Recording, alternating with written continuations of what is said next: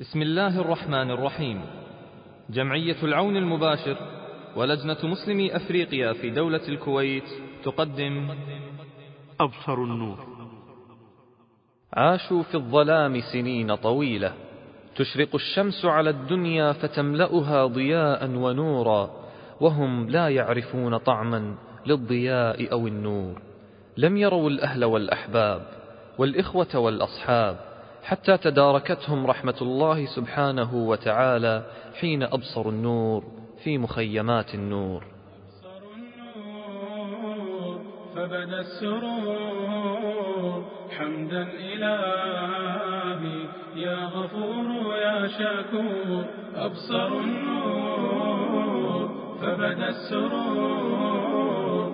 حمدا إلهي يا غفور يا شكور أنعم الله عليهم بالضياء بعد الظلام. أبصروا النور فصاروا في نعمة لا تضام في نعمة لا تضام. أبصروا النور فبدأ السرور. حمدا إلهي يا غفور يا شكور أبصروا النور فبدأ السرور. حمدا إلهي يا غفور يا شكور يا غفور يا شكور أبصر النور. وروني الإخوان هذا الرجل وكان يشك الخيط في الإبرة عاد إلى مهنته بفضل الله سبحانه وتعالى. وكان بالنسبة لي هذا أعظم هدية.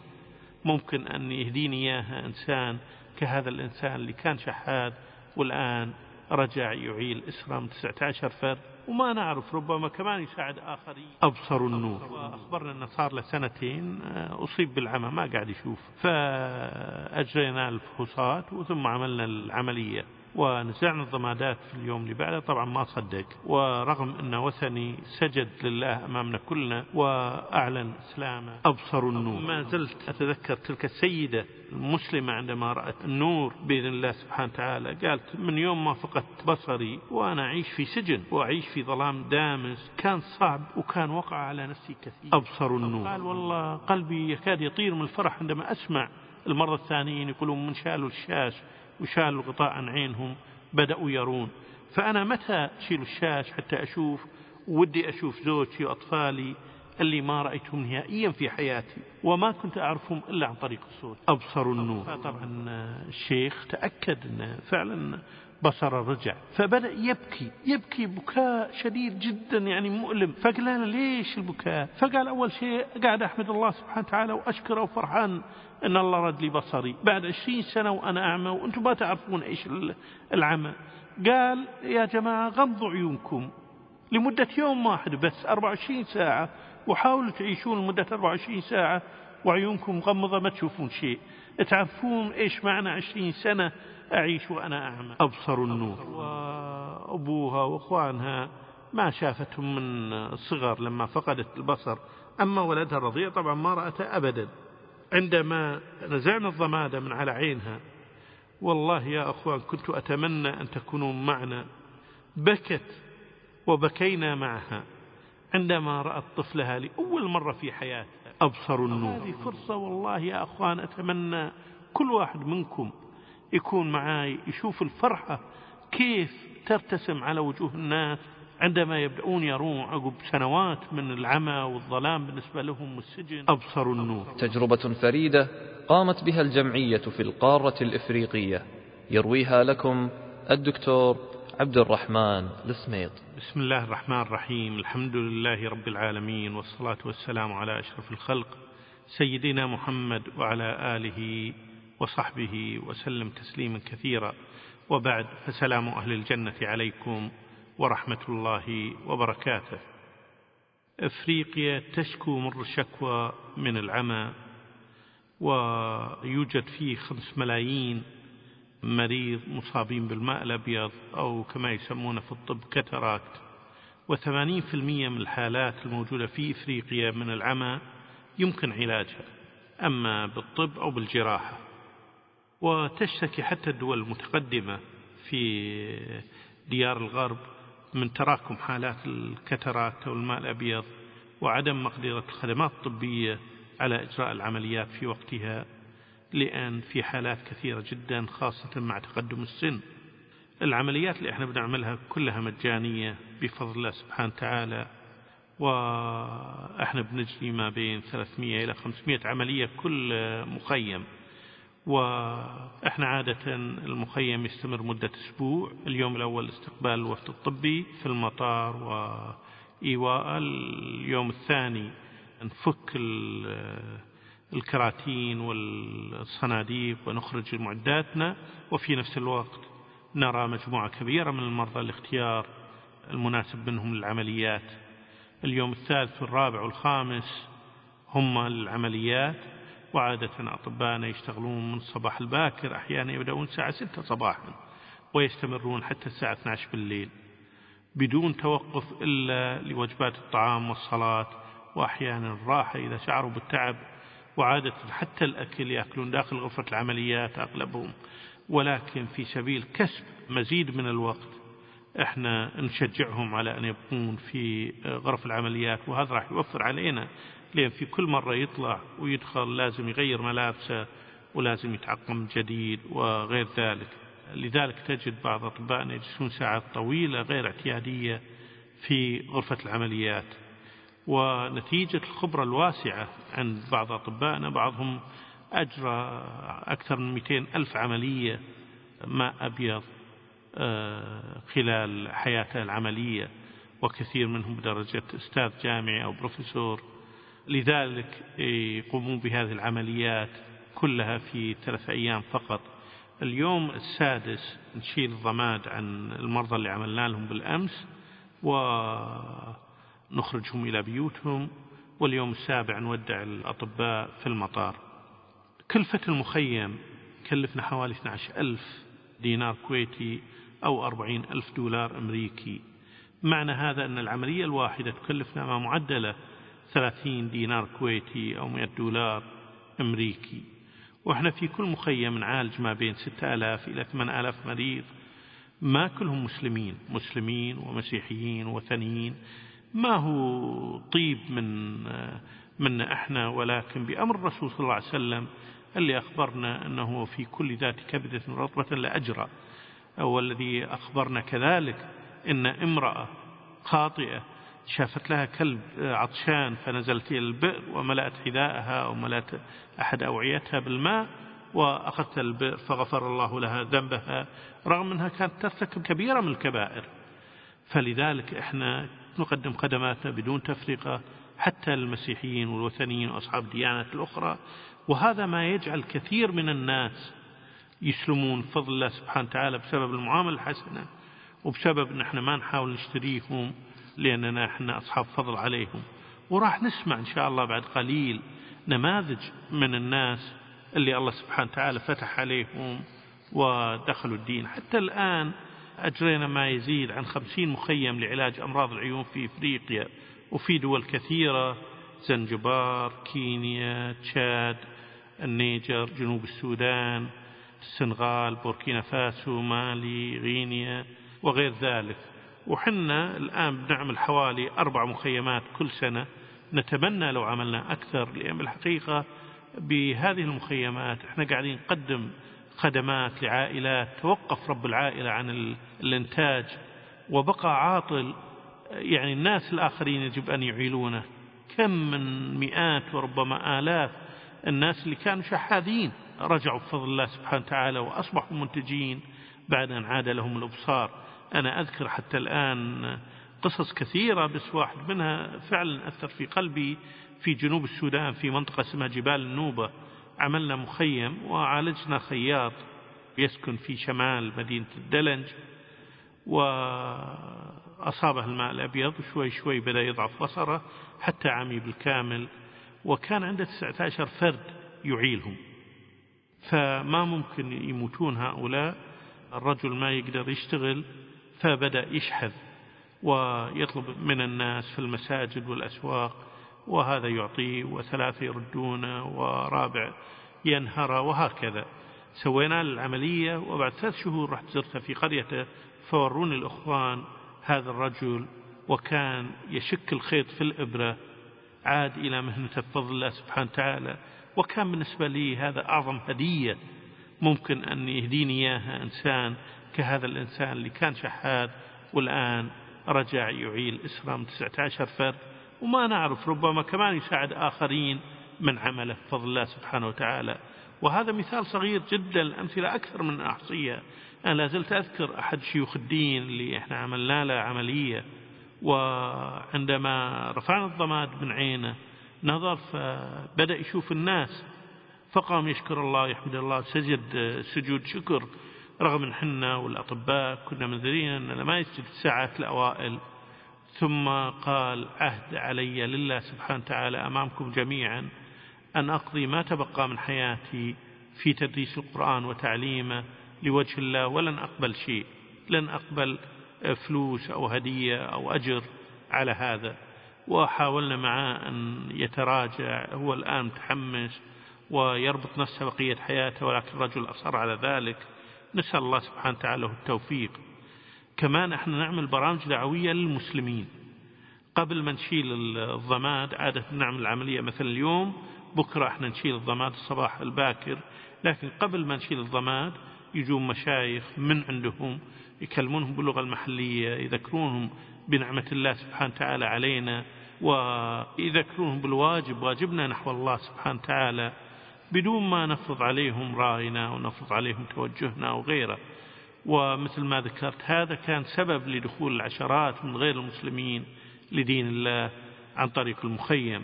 بعض قد لا يسلم الآن. أنا أذكر واحد جاءنا بعد سنة كاملة. يا الله أسلم. في مزارع في توغو مسيحي عملنا له عملية وشكر راح لمزرعته بعدها بشهر جاء إلى مدير المركز ليعلن إسلامه. فلا تنتظر أن كل الناس يغيرون بين يوم وليلة وهذا بالحقيقة نشجعه الذي يغير بين يوم وليلة فيه احتمال أن نتيجة عاطفة أو نتيجة حماس أو شيء من النوع.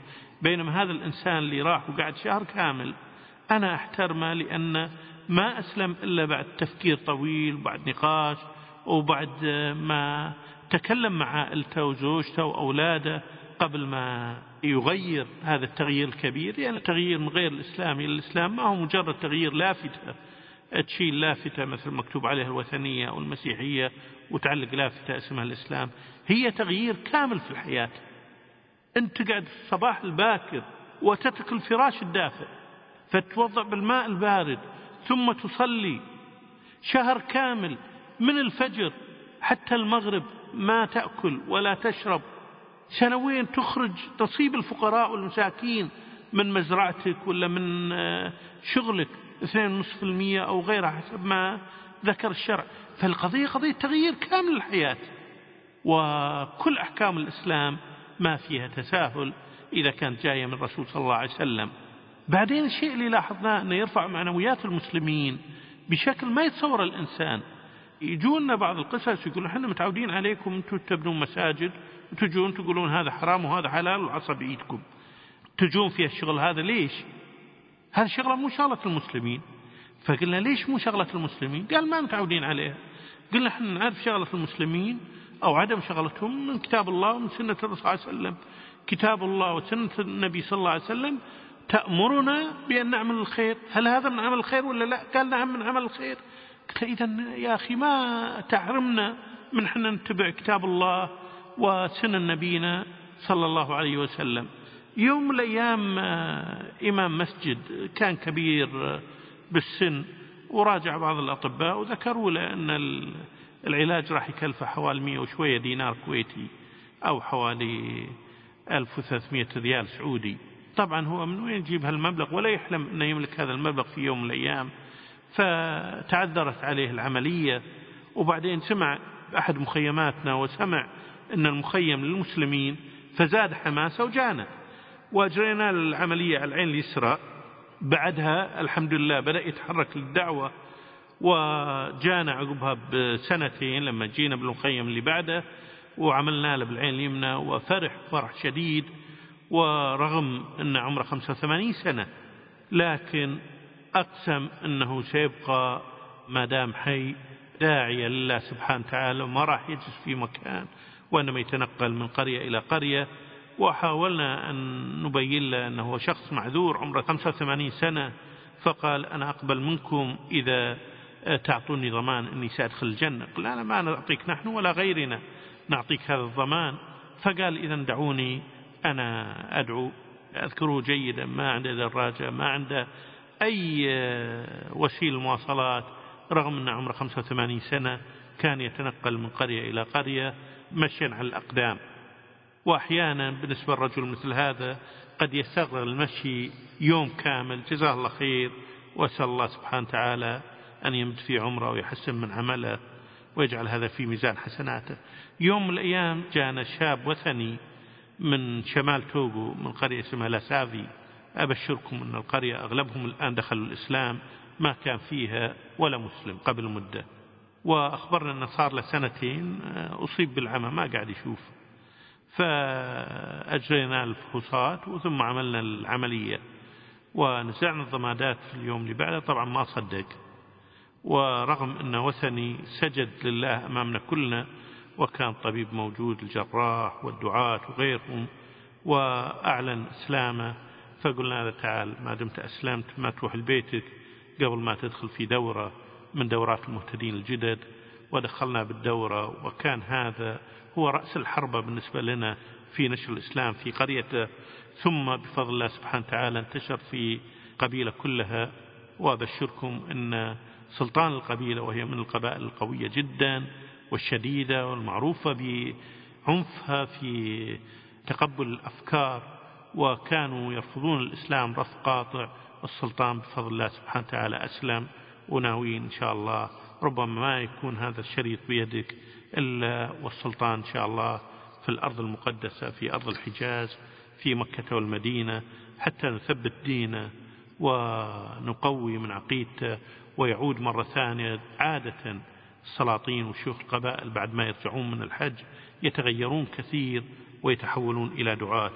في مدينة عندنا اسمها مانجو في غرب أفريقيا جانا مريض أعمى وأجرينا العملية فحب أن يشكرنا فشكرنا بطريقة غريبة جدا راح أجر بالإذاعة المحلية ساعة كاملة والساعة طبعا تكلف الحقيقة أكثر من العملية وبدأ يتكلم عن الإسلام وعما حصل له وعن نعمة الله سبحانه وتعالى عليه وعلى غيره من الناس وقال يجب أن إحنا نحمد الله سبحانه وتعالى بأن ندعو إلى الله ثم ختمه وقال أن العرب يصنعون المعجزات من جراء العمليات اللي يقومون فيها.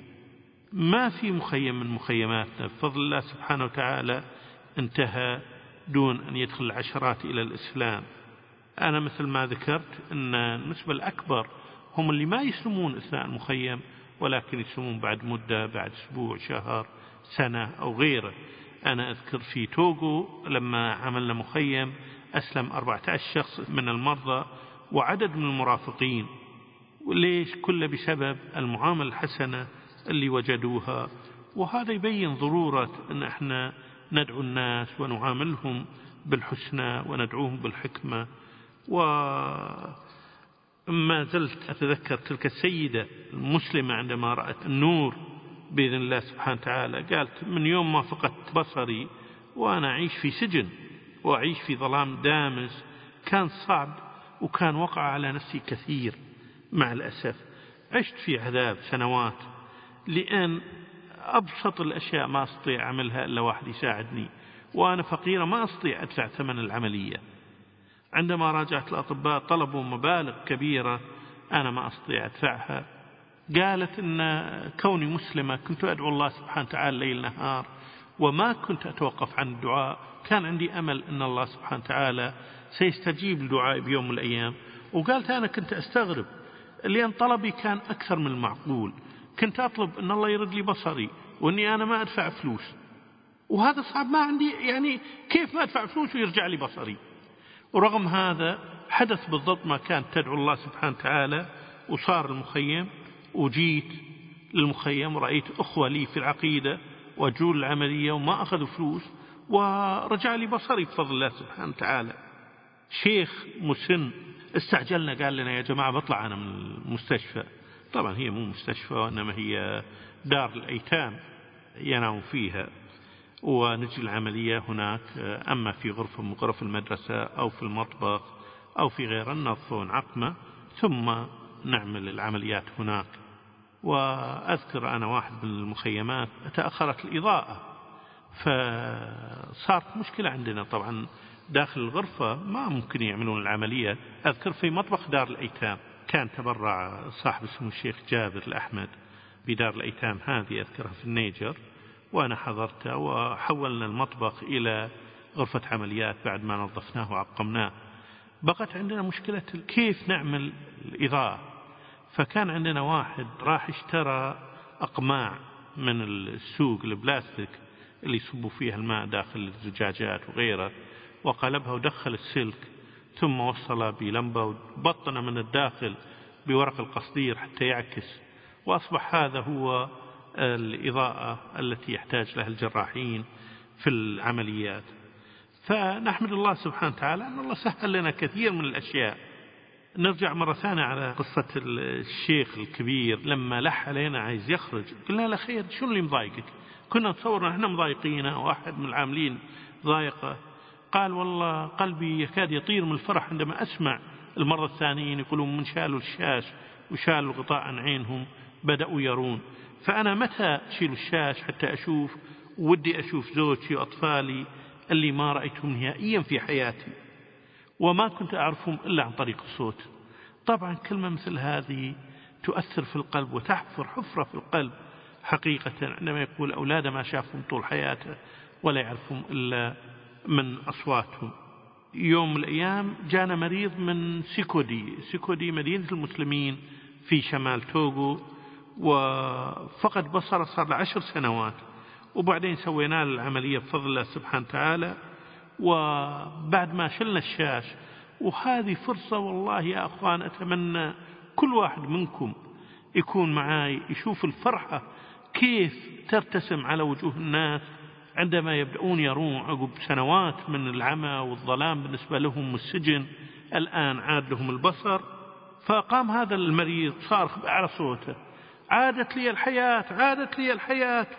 ورغم من حنا بنحاول نهديه يا ابن الحلال اجلس يا ابن الحلال ما كويس لعينك. هو ما يستمع لنا. وربما هو يتصرف هذه التصرفات بطريقة لا شعورية. أنا أذكر يوم من الأيام واحدة عجوز صار يمكن حوالي 25 سنة عمية وسوينا لها العملية بيوم اللي نشيل فيه الشاش. أول شيء المشايخ اللي من منطقتها تكلموا معاهم كلهم وحدثوهم بفضل الله سبحانه وتعالى. وحنا يجب أن نعمل الخير مع كل الناس سواء كانوا مسلمين أو غير مسلمين. وبعدين انتهى الكلام فجينا نشيل الشاش عن عينها. فلم تصدق أنها شافت أمامها البشر وواضحين فقفزت على أقرب واحد وكان أخ كردي يعمل معنا وضمته فيما تعتقد هي شكرا له والمجموعة كلها على أن الله سبحانه وتعالى أنجح العملية بفضله سبحانه. بالسنغال كان في شيخ عشرين سنة كان أعمى. وبعد ما أجرينا العملية طبعا في اليوم الثاني شلنا العصابة اللي على عينه فطبعا الشيخ تأكد أنه فعلا بصره رجع. فبدأ يبكي يبكي بكاء شديد جدا يعني مؤلم. فقلنا له ليش هذا؟ ليش البكاء؟ فقال أول شيء قاعد أحمد الله سبحانه وتعالى وأشكره وفرحان أن الله رد لي بصري. بعد عشرين سنة وأنا أعمى وأنتم ما تعرفون إيش العمى. قال يا جماعة غضوا عيونكم. لمدة يوم واحد بس 24 ساعة. وحاولوا تعيشون لمدة 24 ساعة وعيونكم مغمضة ما تشوفون شيء. تعرفون إيش معنى 20 سنة؟ أعيش وأنا أعمى. الشيء الثاني لأني أدعو الله سبحانه وتعالى أن الله يسر لي أني أحج بيته حتى عايز أشوف بيت الله الحرام أشوف مسجد الرسول صلى الله عليه وسلم الرحاب الطاهرة اللي عاش فيها نبينا صلى الله عليه وآله وسلم. وأتمنى أن نصلي هناك. وبعد هذا إذا الله قرر أن يأخذ روحي والله لن أبالي. بعد ما ردي بصري وبعد ما زرت بيته هذا لو زرت بيته. في غينيا حرمة لأول مرة. وهي عمية تعيش في ظلام دامس تقول والله ما أصعبه وما أشد وقع علي. سنوات طويلة تحملته لأنها ما تستطيع تدفع. أعباء العلاج. وعفوا أني أكرر لكم موضوع ما يستطيعون يدفعون تكاليف العلاج. ومو بس تكاليف العلاج وإنما حتى النتائج ضعيفة جدا. حتى النتائج في بلادنا ما هي مية في المية نجاح. لكن والله يا أخوان ما هو بطولة الأطباء اللي عندنا والجراحين ولا هو بطولة الدعاة ولا غيره. ولكن بركة من الله سبحانه وتعالى أن نسبة الالتهابات كمثال صفر. ما يوم الأيام رأيت حالة واحدة أصيبت بالتهاب بعد العملية وهذا ما يؤكده كل الجراحين اللي اشتغلوا معاي. جراحين اشتغلوا بالسعودية بالكويت باكستان بغيره يقسمون إن إحنا نشتغل في مستشفيات جامعية وحنا أساتذة جامعيين ونستخدم كل أساليب التطهير. ورغم هذا نرى عدد من الالتهابات تصل ما بين واحد إلى واحد ونصف المية في بلادنا وحتى في الدول المتقدمة. عندنا ما بين واحد إلى واحد ونصف بينما هنا لم نرى أي حالة التهاب حتى الآن. القصة التي أريد أن أذكرها قصة طفل عمره 14 سنة فقد البصر في كلتا عينيه. كان طالب بالصف الخامس ابتدائي كان متفوق وأصيب بماء أبيض بالكترات. وبدأ شوي شوي يفقد الإبصار بدأ يتراجع في درجاته. ما قام يقدر يقرأ وبعد مدة أصيب بالعمل كامل فطرد من المدرسة وفقد كل أمل في الحياة خاصة طفل في مثل هذا السن. جلس في البيت ما يطلع برا ما عنده استعداد أنه يروح ويشوف الأطفال لأن يعرف هم يروحون يركضون ويرجعون وهو جالس كأعمى. وجالس طول وقته في البيت لمدة طويلة وفي يوم من الأيام سمعوا عن مخيمنا في غينيا فجابوه أجرينا له العملية والحمد لله بدأ يبصر في إحدى عينيه. بعدها مدة عملنا له عملية ثانية في العين الثانية وأبصر فقال أمنيتي أن أرجع إلى المدرسة وأن أصبح طبيب عيون يخدم الناس وسأجري العمليات مجانا للناس كما أجريتموها مجانا لي أنا. فقلت في نفسي أن هذا نوع من الاستثمار بالنسبة لي والمتبرعين اللي دعمونا في عمل هذا المخيم على فكرة هذا المخيم اللي عقدناه في غينيا تبرع فيه أحد المحسنين جزاه الله كل خير. المخيم الثاني اللي عملناه بعد ذلك تبرعت فيه محسنة دفعت المبلغ بكاملة وهو أربعين ألف دولار أو 12 ألف دينار كويتي. في يوم من الأيام بعد ما عملنا العملية وعطينا نظارات لأحد المرضى قال الآن ما أحتاج النظارة لأن أستطيع أشوف. طبعا هو ما في شك يستطيع يشوف ولكن مع النظارة يستطيع أن يرى بصورة أفضل. قال بس راح أحتفظ بالنظارة عشان تساعدني في تلاوة القرآن. لما رحنا المطار مرة من المرات في غينيا وجدنا شاب لابس نظارات والغريب أنه لا زال عليها معلق قطعة صغيرة كرتونة مربوطة بخيط وعليها رقم النظارة. ما شالها رغم أنه صار لها أيام بس فرحان فيها وفخور فيها. فيرفع النظارة ويقول لنا ترى أنا أستطيع أني أراكم حتى بدون نظارة. ويذكر إيش اللي عملنا له في العملية. فقلنا له هؤلاء الأخوان اللي بيغادرون هم اللي عملوا لك عملية. قال طبعا أعرفهم وأتذكرهم لأن بعد العملية بدأت أرى وأحمد الله سبحانه وتعالى أني رجعت لعملي. وكثير من الناس كانوا يستغربون منا أن كيف نعمل عملية جراحية على العين وهي منطقة حساسة جدا. وبعد 24 ساعة ما نحس بأي ألم ولا أي شيء ونخرج في صحة وبدون متاعب. كانوا مستغربين من هذا. رجل مريض جانا قال صار له ست سنوات وهو يزور الأطباء. طبعا المنطقة هذه ما كان فيها أطباء عيون. ففقد الأمل لأن ما في أحد استطاع أن يعمل له شيء. إلى أن سمع مخيم العيون وأنه مجاني فجاء رأسا يزورنا خاصة بعد ما عرف أن اللي يعملون مسلمين لأن قال أن جو منظمة نصرانية وأعطونا الماء المقدس وقالوا لنا اشربوا هذا الماء من الكنيسة لأن هذا هو الذي يشفيكم مو بس العملية. فيقول أنا خرجت رفضت أني أعمل العملية عندما سمعت هذا الكلام. فعملت العملية عندكم وأحمد الله أن رد لي بصري بفضل الله سبحانه وتعالى. يوم من الأيام داعية من دعاتنا. قال يا جماعة أنتوا إيش اللي عملتوه في بيتنا؟ قلنا له إيش؟ قال والله يا جماعة جدتي ما استرجعت بصرها فقط ولكن حتى استرجعت لسانها. قال بدأت تفقد قدرتها على الكلام ما عادت تتكلم. من أصيبت بالعمى تقعد بدون كلام لأنها لا ترى. ويقول أن أمه هي اللي تقوم بخدمتها وتساعدها في داخل البيت. ما يسمعون صوتها من الصباح الباكر إلى أن تنام. ساكتة ما تتكلم. حتى شعرنا بأن المرأة عندها مشكلة في لسانها. فوجئنا أن بعد العملية نطقت من جديد وتكلمت بشكل طبيعي لما بدأت ترى. يقول أنتم غيرتوا بيتنا كلها الآن ودخل السرور لهذه العائلة مو بس قضية الأبصار ولكن قضية النفسية بالنسبة لهذه العجوز اللي عندنا. واحد من الدعاة يقول جدي يرفض أنه يلبس النظارات اللي أعطيتونا إياها ويقول أنه هو رجع شباب وما هو بحاجة إلى النظارات كان جدة يرى بصعوبة قبل إلى أن صيب بالعمى وبعدين سوينا له عملية. بالبداية تردد الجد وكنا نضحك مع الشاي ونقول إن شاء الله ترجع شباب ونمزح معاهم حتى نرفع من روحهم المعنوية لأن هؤلاء ناس بسطاء ويسمعون عملية وبالعين فأغلبهم يقول أنا فاقد البصر بعد ليش إيش أخاف؟ يعني راح أفقد البصر زيادة؟ هذا أنا أعمى أعمى فيجون العملية وأغلبهم ما عندهم أمل في النجاح. ولكن عندما يسمعون القصص من المرضى الثانيين يتغير كل شيء ويقول جدي الحمد لله تغير تماما وفعلا رجع شباب بطريقة معاملته لنا ومعاملته في البيت. ولما أعطيناه نظارة طلع فيها لأن هو بحاجة لأن يسمع كلامنا. يقول من وصل البيت قام وأعطاني النظارة وأقسم أنه ما راح يلبسها مرة ثانية. خلص أنا فعلا شباب قال.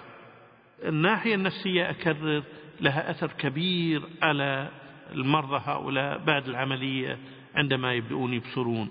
والله يا أخوان أقول لكم أنا عن الماء الأبيض وأنا أحد المرضى المصابين بهذا الماء الأبيض. المصاب بالماء الأبيض يبدأ يفقد البصر تدريجيا يبدأ يفقد معرفته للناس إلا عندما يسمع صوتهم وشوي شوي يتحسن البصر بعد العملية. أبدا يرجع إنسان عادي بفضل الله سبحانه وتعالى. أذكر أنا يوم من الأيام واحد من الأمة أعطيناه نظارة وقام يقرأ بالنظارة فرح قلنا ليش فرحك بين أكثر عندما بدأت تقرأ؟ قال لأن معناها أني أستطيع أني أقرأ القرآن الكريم. كثير من القصص اللي صارت أنا أذكر امرأة عمرها عشرين سنة متزوجة وكان معها طفلها الرضيع شايلتها. وأبوها وأخوانها ما شافتهم من الصغر لما فقدت البصر. أما ولدها الرضيع طبعا ما رأته أبدا. عندما نزعنا الضمادة من على عينها والله يا أخوان كنت أتمنى أن تكونوا معنا.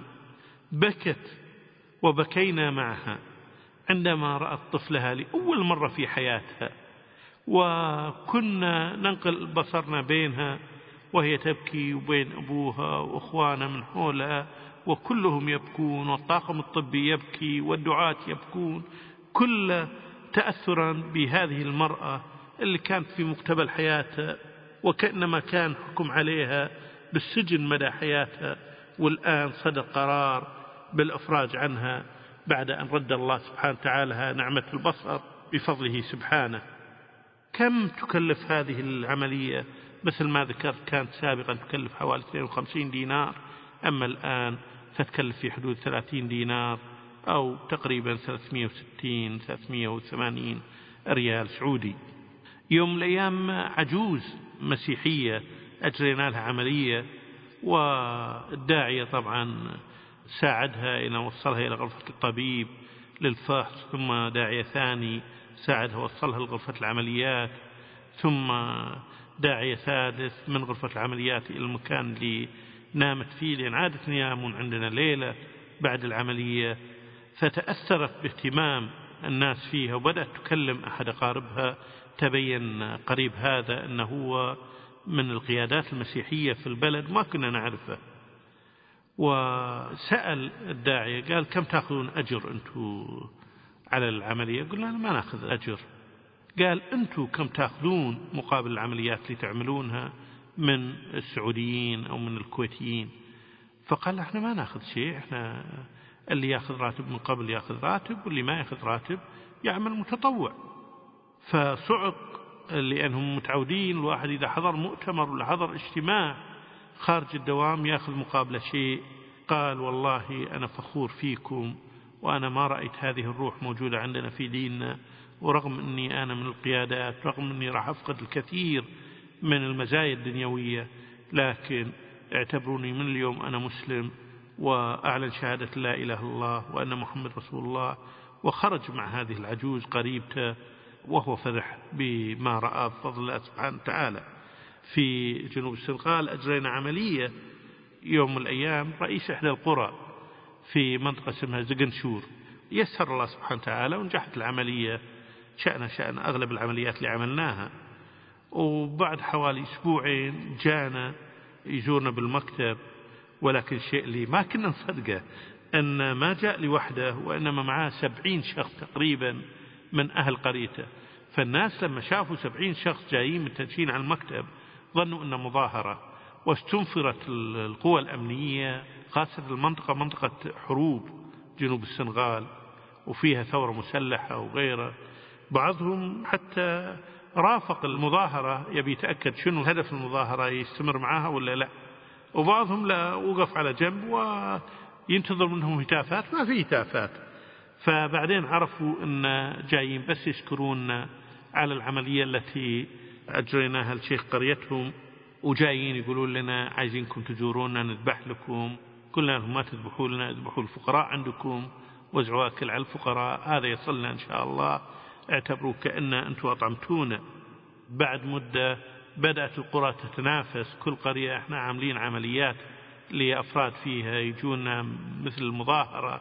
فالحمد لله الجهات الأمنية اطمأنت وما عادت تستنفر. كل مرة تشوف تجمع من قرية من القرى جاي إلى مكتبنا يقدم الشكر لأن إحنا عملنا عملية لفرد في القرية أو لشخص بارز. محافظ منطقة من المناطق وهو مسيحي غير مسلم. جاء المخيم وزار العمليات زار المرضى رأى أن كثير منهم غير مسلمين. قال والله يا جماعة أنا معجب جدا في عملكم. أنتم ما تفرقون بين المسلم وغير المسلم جماعتنا يفرقون. أنتم ما تميزون بين القوميات ما تميزون بين القبائل. الكل تجول للعملية ونفس العملية وبدون أي ضغط منكم دينكم هذا هو الذي أمركم بهذا. وهذا الدين الذي يجب أن يتبع. أنا أعتقد أن هذا المحافظ ما راح يطول كثير قبل أن يعلن شهادة لا إله إلا الله وأن محمد رسول الله. وأذكر من بين القصص المؤثرة اللي أثرت في جدا وما ممكن أنساها حتى أموت أن في يوم من الأيام عملنا مخيم لعلاج أمراض العمى وفوجئنا بقسيس إفريقي كان جدا مضايق. جاي متحمس ويريد أن يكسر أجهزتنا وقال أنتم العرب والمسلمين مشعوذين جايين تضحكون علينا إحنا الأفارقة وجايين تدربون علينا وتصيبوننا بالأمراض ومن الكلام هذا. نتيجة مع الأسف الشديد الحقد اللي ممكن تزرعه بعض الكنائس في قلوب أفرادها أو أتباعها. القسيس كان معاه مجموعة كبيرة ثلاثين أربعين واحد. وكلهم جايين ناويين نية غير طيبة معانا.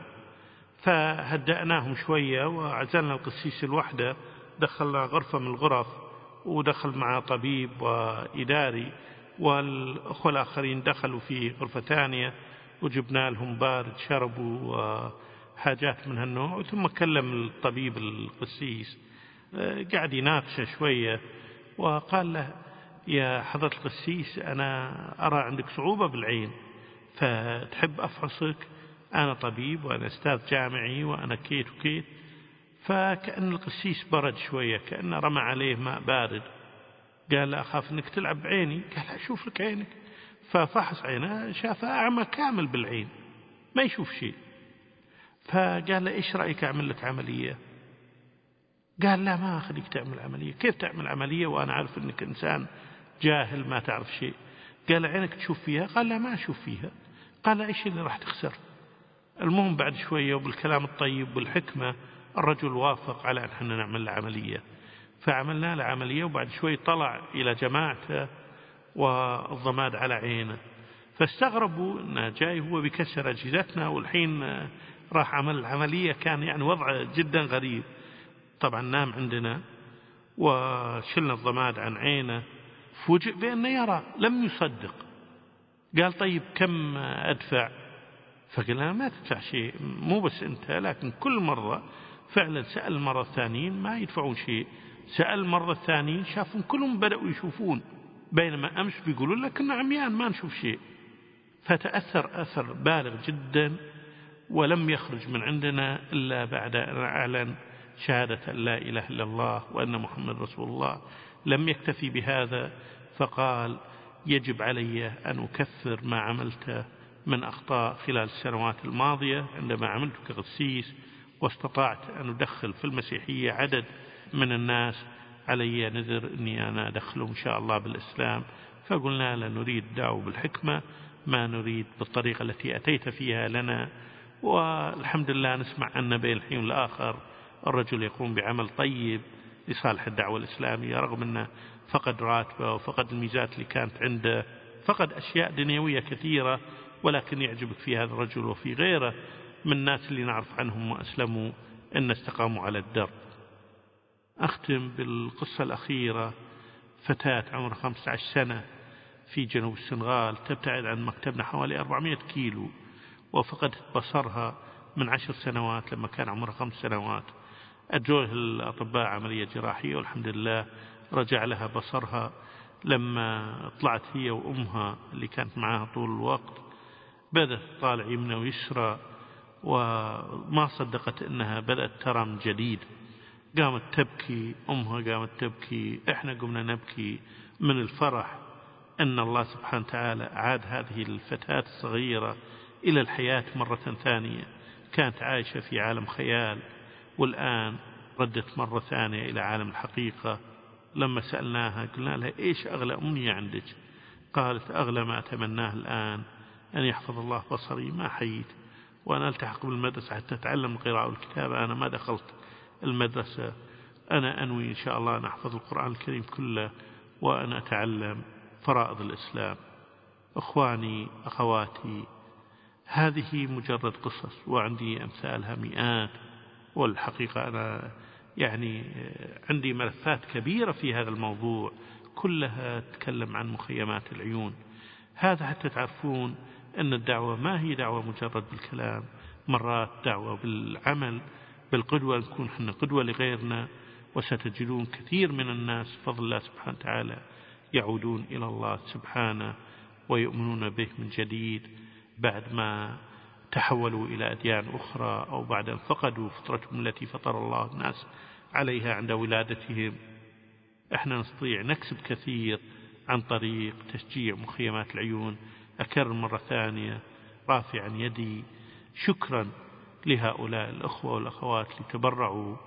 أما بتكلفة عملية وهي 30 دينار كويتي تعيد البصر لرب عائلة أو لطفل صغير كان كأنما محكوم عليه بالسجن مدى حياته وأعادوا له الأبصار بفضل الله سبحانه وتعالى أو أنهم تبرعوا بمخيم كامل كلفته 12 ألف دينار كويتي أو 40 ألف دولار أمريكي أعادوا فيه البصر لأكثر من 300 شخص وعالجوا فيه ما يقارب من 6000 إلى 8000 شخص ووزعوا أكثر من 1200 نظارة.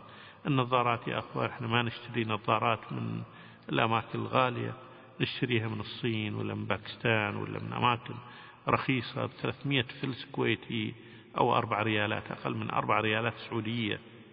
تذكروا أخواني وأخواتي أن طلبة القرآن الكريم ليحفظون القرآن الكريم في دول الصحراء الكبرى في إفريقيا مية ألف منهم كل سنة يصابون بالعمى نتيجة نقص فيتامين ألف في أكلهم وحبة فيتامين ألف سعرها أقل من فلس كويتي أو بالضبط هللة سعودية نشتريها من الصين ونوزعها عليهم. نحفظهم من العمى الذي قد يصيبهم بسبب نقص فيتامين ألف بالقليل تستطيع أن تفعل الكثير تستطيع أن ترفع معاناة إخوانك تستطيع أن تدخل السرور لعائلة كاملة. ما عرفت السرور في سنين كثيرة بسبب أن الله سبحانه وتعالى جعلهم فقراء أو مرضى أو غير هذا. وأسأل الله سبحانه وتعالى أن يجعلني وإياكم جميعا مفاتيح خير بالنسبة للآخرين. ندخل السعادة إلى قلوبهم. والسلام عليكم ورحمة الله وبركاته. فبدا السرور حمدا إلهي. يا غفور يا شكور أنعم الله عليهم بالضياء. بعد الظلام أبصروا النور. وبعد الحزن عرفوا السرور. ونسأله عز وجل أن يجعل هذا العمل في ميزانكم يوم القيامة. للتواصل والاستفسار هاتف رقم ثمانية ستة ستة ثمانية ثمانية ثمانية. والسلام عليكم ورحمة الله وبركاته. أبصر النور فبدأ السرور حمدا يا غفور يا شكور يا غفور يا شكور